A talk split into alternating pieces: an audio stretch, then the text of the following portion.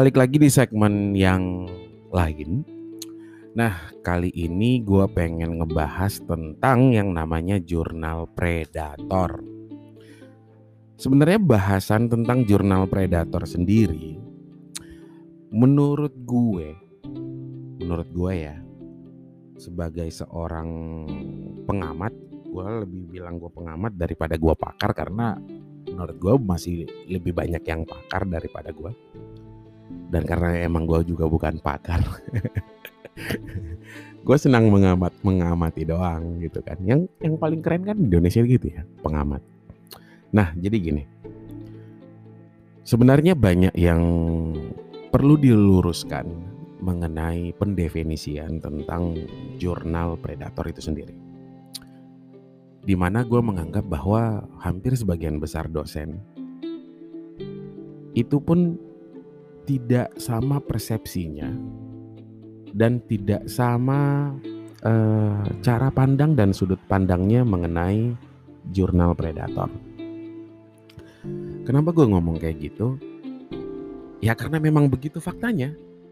Coba deh, lo nanya sama banyak teman-teman lo yang dosen atau yang mahasiswa yang di tingkat tapi mahasiswa tingkat lanjut ya karena biasanya mahasiswa S1 tuh nggak paham juga apa sih sebenarnya jurnal predator jangankan jurnal predator jurnal sendiri pun belum tentu mereka tahu nah hampir sebagian besar orang itu beranggapan bahwa jurnal predator adalah titik-titik dan titik-titik aku coba buka-buka Google untuk cari tahu uh, apa sih yang sebenarnya uh, jurnal predator itu sendiri. Bahkan di salah satu uh, menurut gua website yang salah satu website yang uh, populer itu pun menurutku salah. Dia salah di dalam menerjemahkan jurnal predator. Salah menginterpretasi tentang jurnal predator. Kalau dari sisi bahasa, namanya predator artinya pemangsa. Tapi gue pengen tekankan ini yang ketiga kalinya bahwa tidak semua orang tahu apa itu jurnal predator. Ada yang bilang kayak gini. Jurnal predator adalah jurnal yang dibayar. Come on, bro.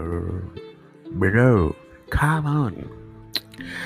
Jurnal itu terdiri dari dua, satu open access yang dibayar, satu close access yang nggak dibayar. Tapi pada dasarnya, kenapa ada jurnal yang harus kita bayar dan kenapa ada jurnal yang nggak kita bayar? Because ini masalah funding. Jurnal-jurnal di bawah publisher atau di bawah penerbit atau di bawah lembaga atau di bawah mana pun yang memiliki pendanaan yang baik, pendanaan yang besar, didukung oleh kemampuan pendanaan, yang ngapain sih dia narik jurnal? Eh, narik jurnal, narik biaya untuk menerbitkan artikel pada jurnal mereka. Para scientific listeners perlu pahami bahwa untuk mengelola satu jurnal, untuk mengelola jurnal eh, apa pun ya, tahu nggak yang harus dibayar itu apa? Satu yang dibayar adalah membuat domain website. Ya, tapi kan itu nggak mahal, bro. Iya, itu nggak mahal, tapi kan juga butuh duit. Satu. Yang kedua, setelah bayar domainnya, lu pikir website jurnal itu nangkring begitu aja di internet tanpa ada biaya-biaya maintenance dan lain sebagainya? Ada, bro apalagi biaya maintenance-nya ya nyewa nyewa server lah ya tapi kan nggak mahal juga bro. Apalagi anggaplah ya anggaplah 600 ribu sampai sejuta setahun itu kan nggak mahal. Kalau dibagi 12 at least mungkin sekitar 800 lebih lah. Eh 80 ribu lebih lah per bulan. Kendati pun 80 ribu per bulan atau anggaplah kita bicara kasar ya satu juta nih selama setahun itu dibagi 12 itu kan nggak mahal juga. Tetapi lagi-lagi itu juga butuh biaya yang kedua yang ketiga Kalau artikelnya melengket DOI atau Digital Object Identifier pada jurnal tersebut, pada artikel tersebut, lo tahu nggak berapa biayanya? Itu at least 0, sekian dolar lah. Anggaplah itu cuma 15 ribu sampai 20 ribu rupiah per artikel yang disematkan DOI di dalam artikel tersebut. Tapi kalau artikelnya dipublish dalam satu tahun kurang lebih ada, anggaplah ya, anggaplah sekitar 10 sampai 20 artikel dikali dikali 15 ribu, itu kan sudah 300 ribu juga bro. Itu juga duit. Yang ketiga. Yang keempat, kita gak usah muluk-muluk deh. Lo pikir artikel lo yang lo submit tiba-tiba publish begitu aja? Lu pikir ada bantuan Jin yang datang nge-publish artikel lo? Bukan bro, yang nge-review, yang copy editing, yang copywriting, yang nge-translate, yang bla bla bla bla bla bla nya sampai nge-review nge-review dan segala tetek bengeknya itu orang. Dan orang ini dibayar. Siapa sih hari gini orang yang pengen kerja gratis? Nggak mungkin lah. Orang pipis aja di mall bayar kok. Tapi kan gak mungkin mahal-mahal juga lah bro. Gini gini gini amat. Masa ada artikel yang biaya publishnya sampai jutaan sih? Bahkan Elsevier yang hybrid yang kalau pengen open access itu bisa sampai 45 juta rupiah sih per artikel. Ya namanya orang pengen untung.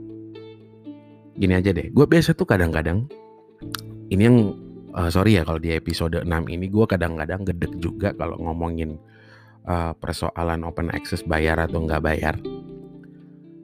Gedeknya gini, kadang orang terlalu munafik untuk bicara tentang uang. Padahal uh, memang tidak segala sesuatunya itu diukur dengan uang, tetapi kita harus pahami bahwa ada tenaga orang di situ, ada waktu yang orang korbankan, ada pikiran yang orang korbankan untuk menata artikel lo yang sampah. Meskipun itu untuk di reject, tapi minimal kita baca. Kita baca sampah-sampah lo dan kita reject. Tahu nggak? Kita ngebaca sampah aja itu butuh waktu, butuh tenaga, butuh biaya. Minimal ada rokok, ada asbak di samping dengan ada kopi susunya di samping. Lo pikir itu gratis? Enggak, cuy. Bayar. Terus yang kedua, hmm, bukan yang kedua lagi, yang udah banyak nih. Uh, terlebih di Indonesia. Banyak orang yang menganggap bahwa komponen uh, pengelola jurnal adalah uh, pekerjaan yang sebenarnya nggak prestise-prestisi amat sih. Jadi editor, jadi reviewer. Kami itu prestisenya bagi orang yang tahu tentang dunia ini, tapi bagi dosen sebagian besar yang yang nggak mau tahu dan emang nggak tahu, ya ini nggak ada prestisenya. Tetapi kalian harus paham bahwa kalian akan ketemu orang-orang seperti kami sebagai penulis, sebagai editor, dan sebagai reviewer minimal satu minggu setelah kamu semua selesai menyerahkan nilai kamu. Nilai mahasiswa ke bagian akademik. Artinya apa? Kalian sudah harus buat laporan beban kinerja dosen. Dan di waktu tersebut, kalian baru tuh kasak kusuk Mana ya jurnal yang cepat publish? Mana ya jurnal yang bulan ini bisa publish? Fuck, man. Nah, itu kenapa uh, gue bilang ada jurnal yang mau nggak mau memungut biaya. Ya because ini masalah funding yang emang nggak besar. Kalian tahu fakta jurnal di Indonesia? Fakta jurnal di Indonesia, gue bisa bilang hampir 100% adalah open access. Hampir 100%. Ya kan bisa satu persen, enggak di atas 99 di atas 90 persen, enggak sampai 100 persen juga ya. Itu semuanya adalah open access. Tapi kan ada juga jurnal yang uh, penulisnya dibayar, bro. Ada. Satu dari seratus jurnal yang seperti itu. Lagi-lagi nih masalah funding bro. Masalah pendanaan dari publisher itu sendiri. Apakah didanai dengan suka cita, dengan biaya yang besar, atau enggak? Tapi lo, kalau lo nggak percaya, para scientific listener semua nggak percaya, lo nanya semua pengelola jurnal yang ada di kampus lo, nanya. Lo nanya, terus lo tempelin kuping lo deket mulut dia. Bro, enak nggak jadi pengelola jurnal? Jawabannya pasti enak nggak enak. Dibutuhkan dan seterusnya. Nah, uh, kemudian yang kedua, ada yang bilang bahwa jurnal predator itu adalah uh, jurnal yang apa ya? Jurnal yang tidak melewati proses review. Kalau itu sih gue sepakat. Kalau itu gue sepakat. Tapi faktanya memang juga banyak jurnal yang uh, tidak melewati review. Kalaupun biasanya ada review, uh, reviewnya ala kadarnya. Artinya nggak sampai substansi-substansi banget. Tetapi itu untuk mendeteksi hal itu, untuk mendeteksi hal itu ya memang kalian harus masuk ke dalam Gue gue yakin deh, orang mendefinisikan tentang jurnal predator itu cuman karena dengar kata temennya, kata teman-temannya lagi, kata teman-temannya lagi. Gue kadang-kadang lucu, gue pengen ketawa sumpah. Kadang gue pengen ketawa, kadang gue pengen marah, kadang gue kesel sendiri ngelihat orang yang ngebaca tentang jurnal predator. And then gue cek Google Scholar-nya anjing lu cuman punya secuil bro terus lu gembar-gemborin lu heboh-hebohin kayak gitu ya kita paham bahwa persoalan jurnal predator adalah persoalan yang perlu diatasi secara secara taktis, sistematis dan perlu strategi yang baik. Tetapi kalau mendefinisikan jurnal predator aja lu nggak bisa, Lo nggak tahu hanya berdasarkan katanya, katanya, dan katanya. Fuck, man. Um, jadi kembali ke bicara tentang jurnal predator, uh, masalah ini jurnalnya nggak direview. Ya untuk tahu direview atau enggak, ya lu harus masuk ke dalam, lu harus masuk, lu submisi artikel lu di dalam. Terus lu tunggu di review apa enggak. Kalau tiba-tiba dalam waktu singkat eh, empat hari kemudian diterima tanpa perbaikan dan lain sebagainya, oke okay lah itu tanda tanya. Jangan publish ke situ lagi. Jadikan aja itu pelajaran. Kalau lu pengen tarik artikel lu silahkan yang ke, yang ketiga, yang keempat, banyak orang yang bilang bahwa jurnal Predator adalah jurnal yang uh, terbitannya tiap bulan. Eh, kacang goreng. Lu liatin yang namanya data in brief. Lu masuk yang namanya jurnal business research. Lu masuk sama jurnal apa ya? Sage Open. Lu lihat berapa puluh jurnal di situ dalam tiap bulan yang masuk. Itu publish tiap bulan men.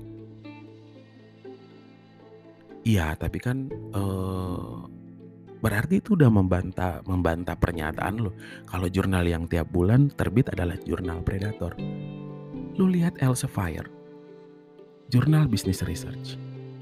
Itu banyak banget di situ jurnal tapi itu bukan predator ada jurnal yang dipublish gini nih ada jurnal yang masa tunggunya 6 bulan sampai 8 bulan. Lo masuk di tanggal 3 Februari, artikel lo submit 3 Februari sampai 3 Desember itu nggak ngapa-ngapain. Tiba-tiba di tanggal 3 Desember dia bilang, We are happy to inform for you. We are accept your article, title, bla bla bla bla bla bla. Jadi selama bulan Februari, Maret, April, Mei, Juni, Juli, Agustus, September, Oktober, November, Desember, itu mereka ngapain? Itu cuman kayak ibarat artikel lo ditetasin doang. Masuk ke dalam, istilahnya kayak kayak apa ya? Kayak tuak itu diendapin. Terus tiba pada saatnya itu diambil, ya udah jadi. Nggak ngapa-ngapain. Ada kok jurnal seperti itu. Dan gue nggak pengen sebut nama jurnalnya apa Lu pikir uh, jurnal-jurnal yang seperti itu bukan jurnal yang uh, besar? Ada juga kok jurnal yang besar yang melakukan seperti itu. Tapi lagi-lagi untuk mendeteksi hal itu, lu harus terjun masuk ke dalam. Lu submit artikel lu ke dalam. Terus lu lihat. Nah, Ini ada yang menggelitik gua dari salah satu website, website kedokteran, yang nulis ini dokter. Bilang gini, identifikasi jurnal predator. Tidak ada kriteria pasti, lo garis bawah ya. Tidak ada kriteria pasti sebuah jurnal dapat dikatakan predator. Namun ada beberapa hal yang dapat dijadikan petunjuk. Proses penyuntikan proses penyuntingan pada jurnal predator berlangsung dengan sangat cepat. Naskah dapat diterima dan selesai penyuntingan dalam waktu kurang dari lima minggu. Bro, lu satu artikelmu, tapi mereka SDM-nya banyak. Lu bayar mahal, SDM-nya banyak. Kurang dari lima minggu itu bisa publish. Apakah nggak nggak di review? Bisa jadi mereka yang mereview. Kurang dari lima minggu pun mereka bisa review kalau modelnya fast track, lu siapin dana dengan biaya sekian, lu pengen lu berani bayar mahal dan itu di review dan lu komitmen untuk mereview itu balik bolak-balik bolak-balik dalam waktu lima minggu bisa di ACC kok. Ini yang ber, ini yang selanjutnya yang salah. Yang kedua, Jurnal Predator tidak mencantumkan biaya publikasi di awal. Biaya akan mun, biaya akan dicantumkan tiba-tiba saat naskah diterima dan sering kali diminta saat awal proses submisi artikel. Jadi ada dua diksi. Jurnal Predator tidak mencantumkan berapa biaya publikasi di informasinya, akan tetapi tiba-tiba naskah diterima baru minta dibayar. Uh, bisa iya bisa enggak sih kalau kita mau bilang itu predator atau enggak. Dan ini masih absurd banget. Dan sering kali diminta saat awal proses submisi artikel. Eh, Artikel itu ada dua jenis. Ada ada beragam jenis lah model submisi artikel. Ada namanya fee of charge, ada namanya artikel processing charge. Ad, APC artinya artikel processing charge. Artikel itu dinyatakan accepted baru lu bayar. Ada namanya fee uh, fee article charge. Kurang lebih sama kayak gitu istilah aja. Terus ada juga yang namanya submission article processing charge.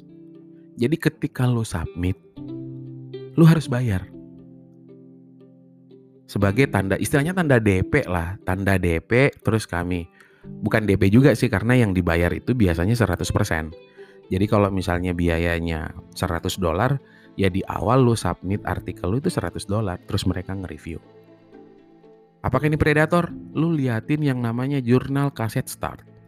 Jurnal Social Science dari Universitas di Thailand kaset start. Itu Elsevier dan dia Q, Q2 kalau nggak salah Q2 atau Q3 dan proses submisinya adalah ketika lo submit jurnalmu itu bayar dan artikel-artikel di bidang ilmu lain juga ada yang seperti itu Jurnal Predator juga umumnya meminta biaya untuk membatalkan atau menarik artikel yang sudah dipublikasi. Kalau saya enggak, enggak seperti ini kok.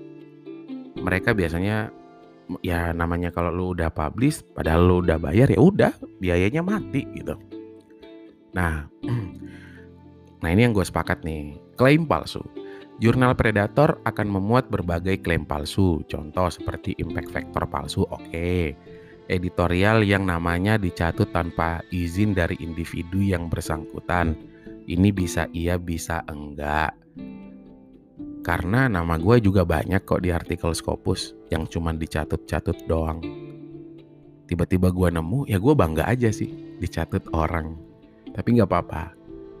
Ya selama ya ya ini kan bicara tentang dapur penjurnalan ya. Uh, kadang ya antara baik baik kita orang Indonesia maupun orang bule kurang lebih ada kesamaannya, kurang lebih. Kesamaannya pengen namanya doang yang ditaruh, tetapi nggak pengen kerja itu ada. Terus jurnal Predator juga sering kali memuat atau ngaku-ngaku sudah terdaftar di database jurnal ternama. Oke, kalau ini gue sepakat. Ini gue sepakat. Dia naruh Scopus padahal belum Scopus. Dia naruh DOAJ padahal belum DOAJ. Dia pakai Thomson Reuters Researcher ID itu ada. Oke lah ini gue sepakat. Oh, ternyata nggak sepenuhnya gue kayak sepakat juga sih. Tapi ada beberapa yang menurut gue absurd banget lah laman jurnal. Laman jurnal Predator memiliki tata letak dan tata bahasa yang buruk dan sering kali disertai dengan klaim atau iklan bombastis. Bisa iya, bisa enggak. Jurnal Predator tidak mencantumkan kontak yang jelas. Hah? Kontak yang jelas dalam arti apa ini? Email kah atau apakah atau apakah? Enggak juga. Enggak juga. Kalau dikatakan sering kali disertai dengan klaim atau iklan bombastis, lo masuk. Gue biasa dapat dapat invitation dari MDPI untuk call for papers. Menurut gue bahasanya cukup bombastis. But kalau kalau kalau kamu cek tentang MDPI, multidisciplinary apa gitu, publisher apa gitu, itu jurnal salah satu jurnal bereputasi di dunia. Dan iklannya bombastis. By the way, persoalan iklan bombastis, Elsevier hari-hari akhir-akhir ini tuh sering nangkring di laman Facebook gue iklannya. Di YouTube gue pun sering nangkring, kendati pun cuman persoalan editing linguistic service. Ya bahasanya pun bombastis. Elsevier malah. Jurnal submisi artikel secara agresif Jurnal Predator akan secara agresif mengirimkan email dan spam kepada calon-calon. Uh, bisa iya, bisa enggak. Kalau jurnal itu baru, gimana coba? Banyak kok jurnal-jurnal yang di uh, bukan Scopus malah. Contoh uh, ada salah satu jurnal apa ya di Amerika Serikat, IBES apa gitu. Itu mereka uh, melakukan publikasi jurnal karena saya nggak pernah publish di sana, tapi gue biasa diri, dikirimi uh, invitation untuk mereview. Kalau gue iya, mereka akan kirimin formnya dan seterusnya. Gue penasaran ini jurnalnya indeksnya apa ya kok sampai se menurut saya ya, menurut saya profesional ya. Oh ternyata bukan bukan Scopus juga, maksudnya bukan indeks-indeks tinggi, tapi menurut saya jurnal itu uh, memenuhi standar etika di dalam proses uh, penilaian dan peninjauan. Jadi persoalan untuk mengirimkan email dan spam kepada calon penulis nggak bisa kita maknai sebagai tidak bisa ya, tidak bisa secara keseluruhan kita maknai bahwa artikel apa jurnal tersebut adalah predator. Ya kalau jurnalnya baru gimana coba? Pengen dapat uh, autor-autor dari internasional dunia internasional secara luas ya mau nggak mau ya mereka memanfaatkan email atau mungkin call for paper. Kenapa mesti email? Kenapa nggak coba call for paper yang flyer-flyernya bersebaran di banyak sosmed? Nah, hak cipta artikel. Pada jurnal open access yang kredibel, hak cipta artikel akan tetap menjadi milik penulis. Ya emang lah namanya open access. Hal ini berbeda dengan jurnal predator yang akan meminta hak cipta artikel yang dimuat pada jurnal tersebut. Ya, ini juga bisa iya, bisa enggak, bisa diterima sih. Masuk akal juga karena memang ada beberapa jurnal yang uh, lisensi dan hak cipta hak ciptanya itu atau copyrightnya itu itu jatuh ke tangan penerbit gitu. Sorry, gua ngerokok dulu.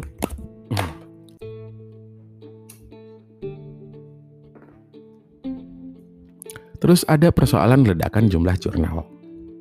Perusahaan penerbit jurnal Predator akan menambah jurnal-jurnal atau artikel mungkin ya, artikel-artikel secara masif dengan durasi singkat. Contohnya grup Omix yang pada tahun 2011 hanya memiliki 11 jurnal. Oh, 11 ju 11 jurnal atau 11 artikel ya maksudnya ini. 11 artikel tetapi pada tahun 2017 sudah memiliki lebih dari 700 jurnal. Gila 700 jurnal atau 700 artikel kali ya mungkin. Kalau saya sih menanggapi ini bisa iya bisa enggak. Maksudnya gini, ya wajar lah. Kalau indeksasinya belum belum uh, well established atau belum bereputasi baik ya jarang sih orang pengen ke sana terutama orang Indonesia. Ya orang Indonesia kan mindsetnya indeks ya. Tiba-tiba pengen masuk biasa nanya gue nih ini gue pengen curhat juga. Bang ada nggak jurnalnya yang publish uh, bidang manajemen marketing? Ada? Kapan kira-kira pak kira-kira bulan Maret Pak, ini ada publikasi. Oh iya, saya mau kirim. Tapi mohon maaf Pak, ini ada biaya publikasinya. Oh iya berapa? Nggak masalah. Biayanya sekian. Oh iya, tapi uh, indeksnya apa ya? Uh, belum terindeks Pak, lagi proses akreditasi. Oh iya Mas Adit, uh, aku pikir-pikir dulu ya. Terus tiga bulan kemudian orangnya nggak ada. Kan anu ya, etis nggak ya kalau gue ngomong fuck man. Tapi um,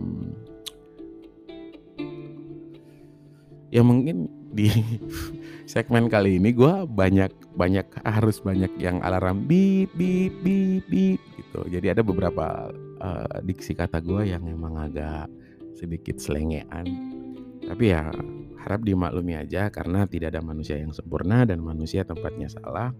Gue ngomong podcast seperti ini itu gue nggak mewakili, gue nggak pengen mewakili pikiran banyak orang. Gue melakukan ini karena dasar ya ini adalah tempat gue untuk mengekspresikan diri gue gitu. Terus keses, ketidaksesuaian nama jurnal dengan lokasi. Uh, anu ini mungkin namanya lebih ke jurnal apa ya? Yang terbaru itu jurnal hijack namanya, editorial board kemudian. Jurnal yang mengaku sebagai jurnal internasional tetapi hanya memiliki editorial board sedikit atau hanya berasal dari sedikit negara nggak juga sih. Meru umumnya merupakan jurnal predator. Duh. Nggak juga. Ada beberapa editorial board yang gue tahu sedikit kok di Elsevier itu nggak banyak kok editorial boardnya. Nggak banyak ya. Ada beberapa yang nggak banyak tapi bukan predator kok. Editorial board yang keahliannya tidak sesuai dengan cakupan jurnal juga harus diwaspadai. Hmm, bisa iya bisa enggak biasanya kan uh, mungkin untuk memenuhi standar pertama dulu jadi diisi dulu namanya gitu. Tapi ya ini bisa diterima sih Kualitas artikel Artikel jurnal predator berkualitas rendah dan pada umumnya memiliki kesalahan-kesalahan fatal yang menunjukkan bahwa penyuntingan tidak dilakukan atau tidak profesional. Oh, kalau ini gue sepakat sih. Kalau ini gue sepakat. Nah, ini ada lagi nih Jurnal itu memperlakukan submission fee atau submit saja sudah bayar. Oh sama kayak tadi ini dari satu laman jurnal Cinta dua malah dia pakai ini. Ini salah bro. Ada jurnal yang ya beda-beda lah nama jurnalnya. Beda-beda sih sistem jurnal. Kenapa kenapa ada jurnal yang memperlakukan biaya sejak awal? Lo tau nggak kenapa? Pas lo submit orang bayar. Dan jurnal tersebut mewajibkan untuk dibayar. Ya karena jurnal tersebut terlalu sering di PHP orang, di PHP-in orang jurnalnya. Lo pernah nggak ngerasain duduk sebagai editor, sebagai managing editor atau sebagai apa kek di situ? Lo udah meluangkan waktu, meluangkan pikiran, ngebaca lagi-lagi paper orang yang dengan PD-nya nge-submit tapi sesungguhnya artikelnya sampah banget. Terus tiba-tiba kita mungkin memperlakukan ya udah coba mayor revision dan dia nggak ngerevisi-revisi.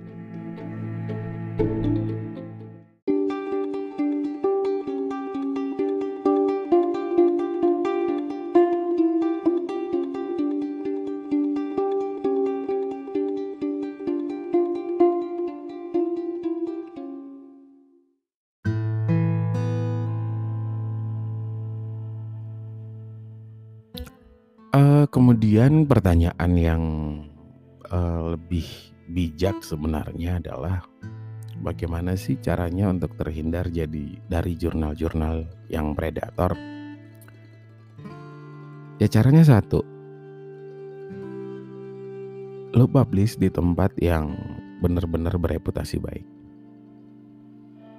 Just it, hanya seperti itu. Dan berusaha untuk membuat paper lu jadi lebih baik. Karena kadang gue merasa gini ya. Gue merasa bahwa banyak orang mengkritik tentang jurnal predator tapi dia lupa mengkritik tentang paper mereka sendiri. Lupa mengkritik kalau papernya ya emang bener-bener jelek. Kalau lu pengen tahu paper lo sejelek apa, lu cari artikel yang mirip atau nggak usah nggak usah cari artikel yang mirip lah. Lu masuk ke salah satu jurnal uh, dengan di bawah publisher-publisher yang mentereng. Terus lu download jurnalnya, jurnal yang sekiranya uh, jurnal yang sekiranya menurut lu judulnya menarik dan lu download. Pilihan downloadnya sih tiga ya kalau lu punya duit dengan uh, membayar itu silahkan. 7 dolar silahkan sampai 7 ya 70 eh 5 dolar silahkan. Yang kedua uh, lu pakai akses akun kampus untuk membuka jurnal-jurnal bereputasi. Atau yang ketiga lu pakai Cihab terus lu lihat lu baca lu amati dengan sepenuh jiwa sambil melihat artikel lo jadi lu baca artikel orang yang bagus di jurnal yang lu anggap mentereng. Terus lu lihat artikel lo. Seberapa sampahnya artikel lo. Kenapa gue harus ngomong kayak gini? Karena seperti itu yang gue lakukan dulu. Karena yang namanya manusia, mana sih manusia yang bilang karyanya jelek? Enggak, semua orang bilang karyanya sendiri itu adalah karya yang paling bagus sebelum kita menemukan komparasinya.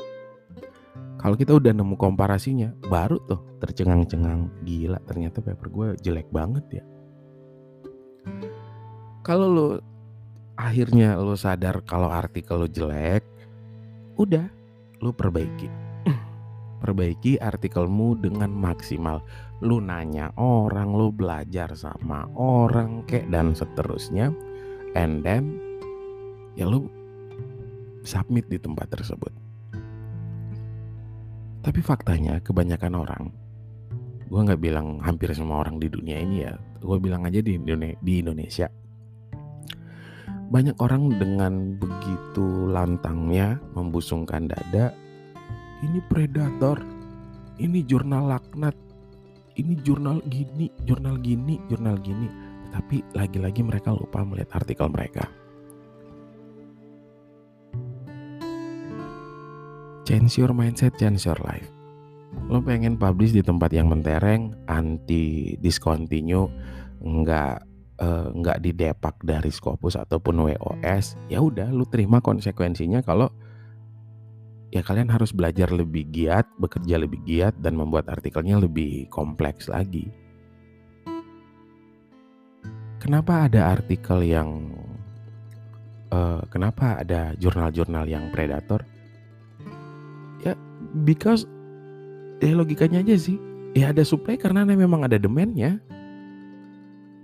Ada yang mencari. Yang mencari itu adalah orang-orang yang balik lagi orang-orang yang nggak peduli tentang tentang publikasi padahal dia tahu ini adalah tugas dan kewajiban dia di Tridharma perguruan tinggi.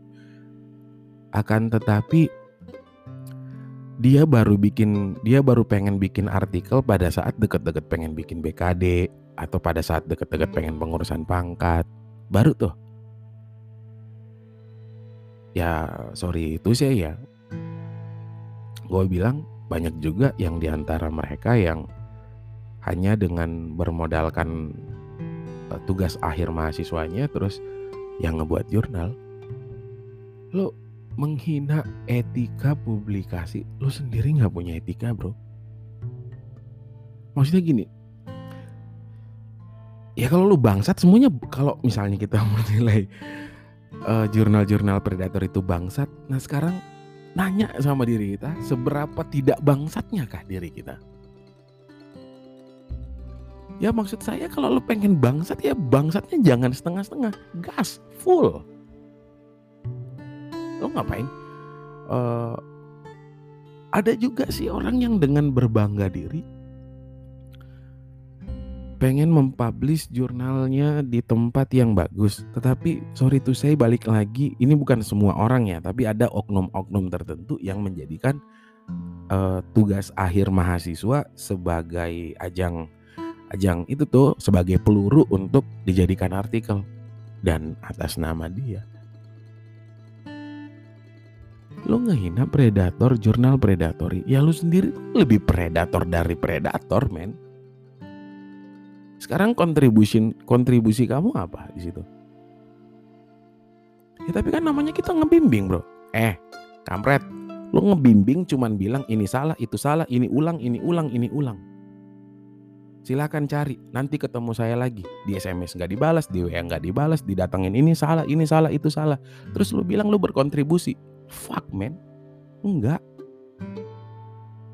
Yang namanya berkontribusi. Jadi gini Lo kalau sebagai dosen pembimbing, jadi garis bawahi, lo adalah pembimbing atau korektor. Definisi pembimbing nggak begitu ya. Definisi pembimbing yang membimbing guide. Kalau cuma sekedar nunjuk ini salah, itu salah, ini nggak ada ininya, ini nggak ada itunya, lo ulang lagi terus tiba-tiba artikelnya apa tiba-tiba tugas akhirnya selesai ditandatangani lo ACC karena masalah ini filantropi dan dia udah pengen wisuda misalnya terus lo mengklaim bahwa ini kayaknya cocok di artikel uh, dibuat jurnal uh, di artikel uh, dipublikasi gila gue nggak habis nggak habis pikir dengan orang-orang kayak gitu dan itu yang seperti itu mental-mental begitu tuh banyak banget gue nggak pengen nunjuk siapa lu tanya sama diri lo masing-masing Jadi bro, lu nggak pernah kayak gitu? Nggak. Sorry ya. Nggak. Gue bikin. Uh, terus apa lagi? Jadi mindset uh, tentang predator selain karena memang juga tidak jelas definisinya apa, hanya berdasarkan katanya, katanya dan katanya sehingga membuat apa ya uh, eh, gue nggak bilang jurnal predator itu salah banget ya enggak ya meskipun dia salah karena ya melanggar etika akademik tapi di sisi lain itu ada pangsa pasarnya sendiri sih. Emang ada orang yang juga cari. Siapa-siapa yang cari? Satu, ada nggak jurnal yang cepat publish? Kalau bisa bulan depan, soalnya udah butuh banget. Lu pikir nge-publish jurnal itu kayak makan onde-onde? Enggak. Terus lu dengan seenaknya bilang, ini bagus nih dipublish ke sini. Bisa nggak ya bulan depan? Yang kedua, saya mau jurnalnya Q1. Bisa nggak ya? Padahal paper lu sendiri gila kelas makalah aja nggak nyampe kelas tugas mingguan aja nggak kualitasnya nggak nyampe lu dengan PD-nya ini gak kayak biasa gue ditanya orang kayak gitu. Di satu sisi gue menghargai ketidaktahuannya. Di satu sisi gue emosi karena kepercayaan dirinya yang terlalu tinggi. Nanya, saya tuh biasanya kenapa setiap uh, eh, gue bawa seminar atau webinar tentang Scopus Hack, gue gue itu menjelaskan sangat apa ya sangat begitu antusias menjelaskan tentang jurnal predator dan kenapa juga di awal episode di awal episode di podcast gue ini gue bilang kenapa anda di reject dari publikasi. Karena ya lagi-lagi ini persoalan mindset. Satu karena definisi jurnal predator aja belum belum sama persepsinya. Yang kedua uh, sumber rujukannya juga nggak sama-sama nggak jelas. Sehingga karena katanya katanya katanya. Terus ya cuman ber, mungkin bermodalkan tentang uh, Jeffrey Bellis sih. Ada yang seperti itu terus mengklaim ini predator. Kalau lu baca banyak semua uh, banyak artikel yang ada berseliweran di Google tentang Jeffrey Bellis ya itu juga pro and kontra bro. Jadi informasi itu harap harap juga nggak nggak satu pihak atau dari satu pintu aja. Lu harus berimbang. Karena ada beberapa yang menurut gua ya nggak semuanya yang ada di Belis itu predator. Ada yang emang bener-bener menurut gua bagus tapi dipasang-pasang kayak gitu. Nggak tahu juga apa motifnya ini gue bukan melindungi jurnal predator ya bukan gue ngebelain jurnal predator. Lagi-lagi jurnal predator memang musuh kita bersama. Tapi musuh terbesar kita adalah diri kita sendiri dengan ego sentral kita sendiri. Maksudnya mindsetnya kalau lo mindsetnya itu yang harus dirubah. Lo tahu itu predator kalau lo udah tahu ciri-cirinya ya udah jangan ke situ. Tapi ya effort lu juga nulis ya harus bagus. Jangan karena lu bego, karena predator lu nggak pengen belajar. Ya lu diam dengan ya udahlah gini gini aja nggak usah nggak usah gini gini gini ya akan jadi seperti itu sih karena ya pasti ujung-ujungnya akan ketemu dengan orang-orang yang uh, yang transaksional pada saat itu yang pasti kalian akan mencari para scientific listeners kalian akan mencari orang-orang yang bro ini bisa dibantu nggak? Kapan bisa publishnya nih? Gini gini gini. Bisa nggak publish cepet soalnya udah butuh nih. Iya. Pasti kayak gitu. Jadi ujung-ujungnya ya memang harus uh, mau nggak mau ya transaksional seperti itu.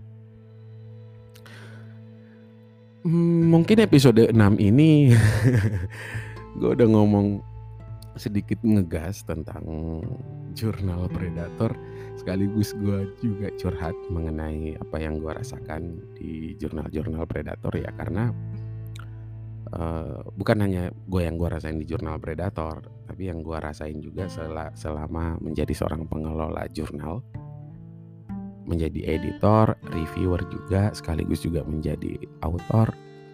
Jadi uh, sorry kalau mungkin ada kata-kata yang agak ngegas.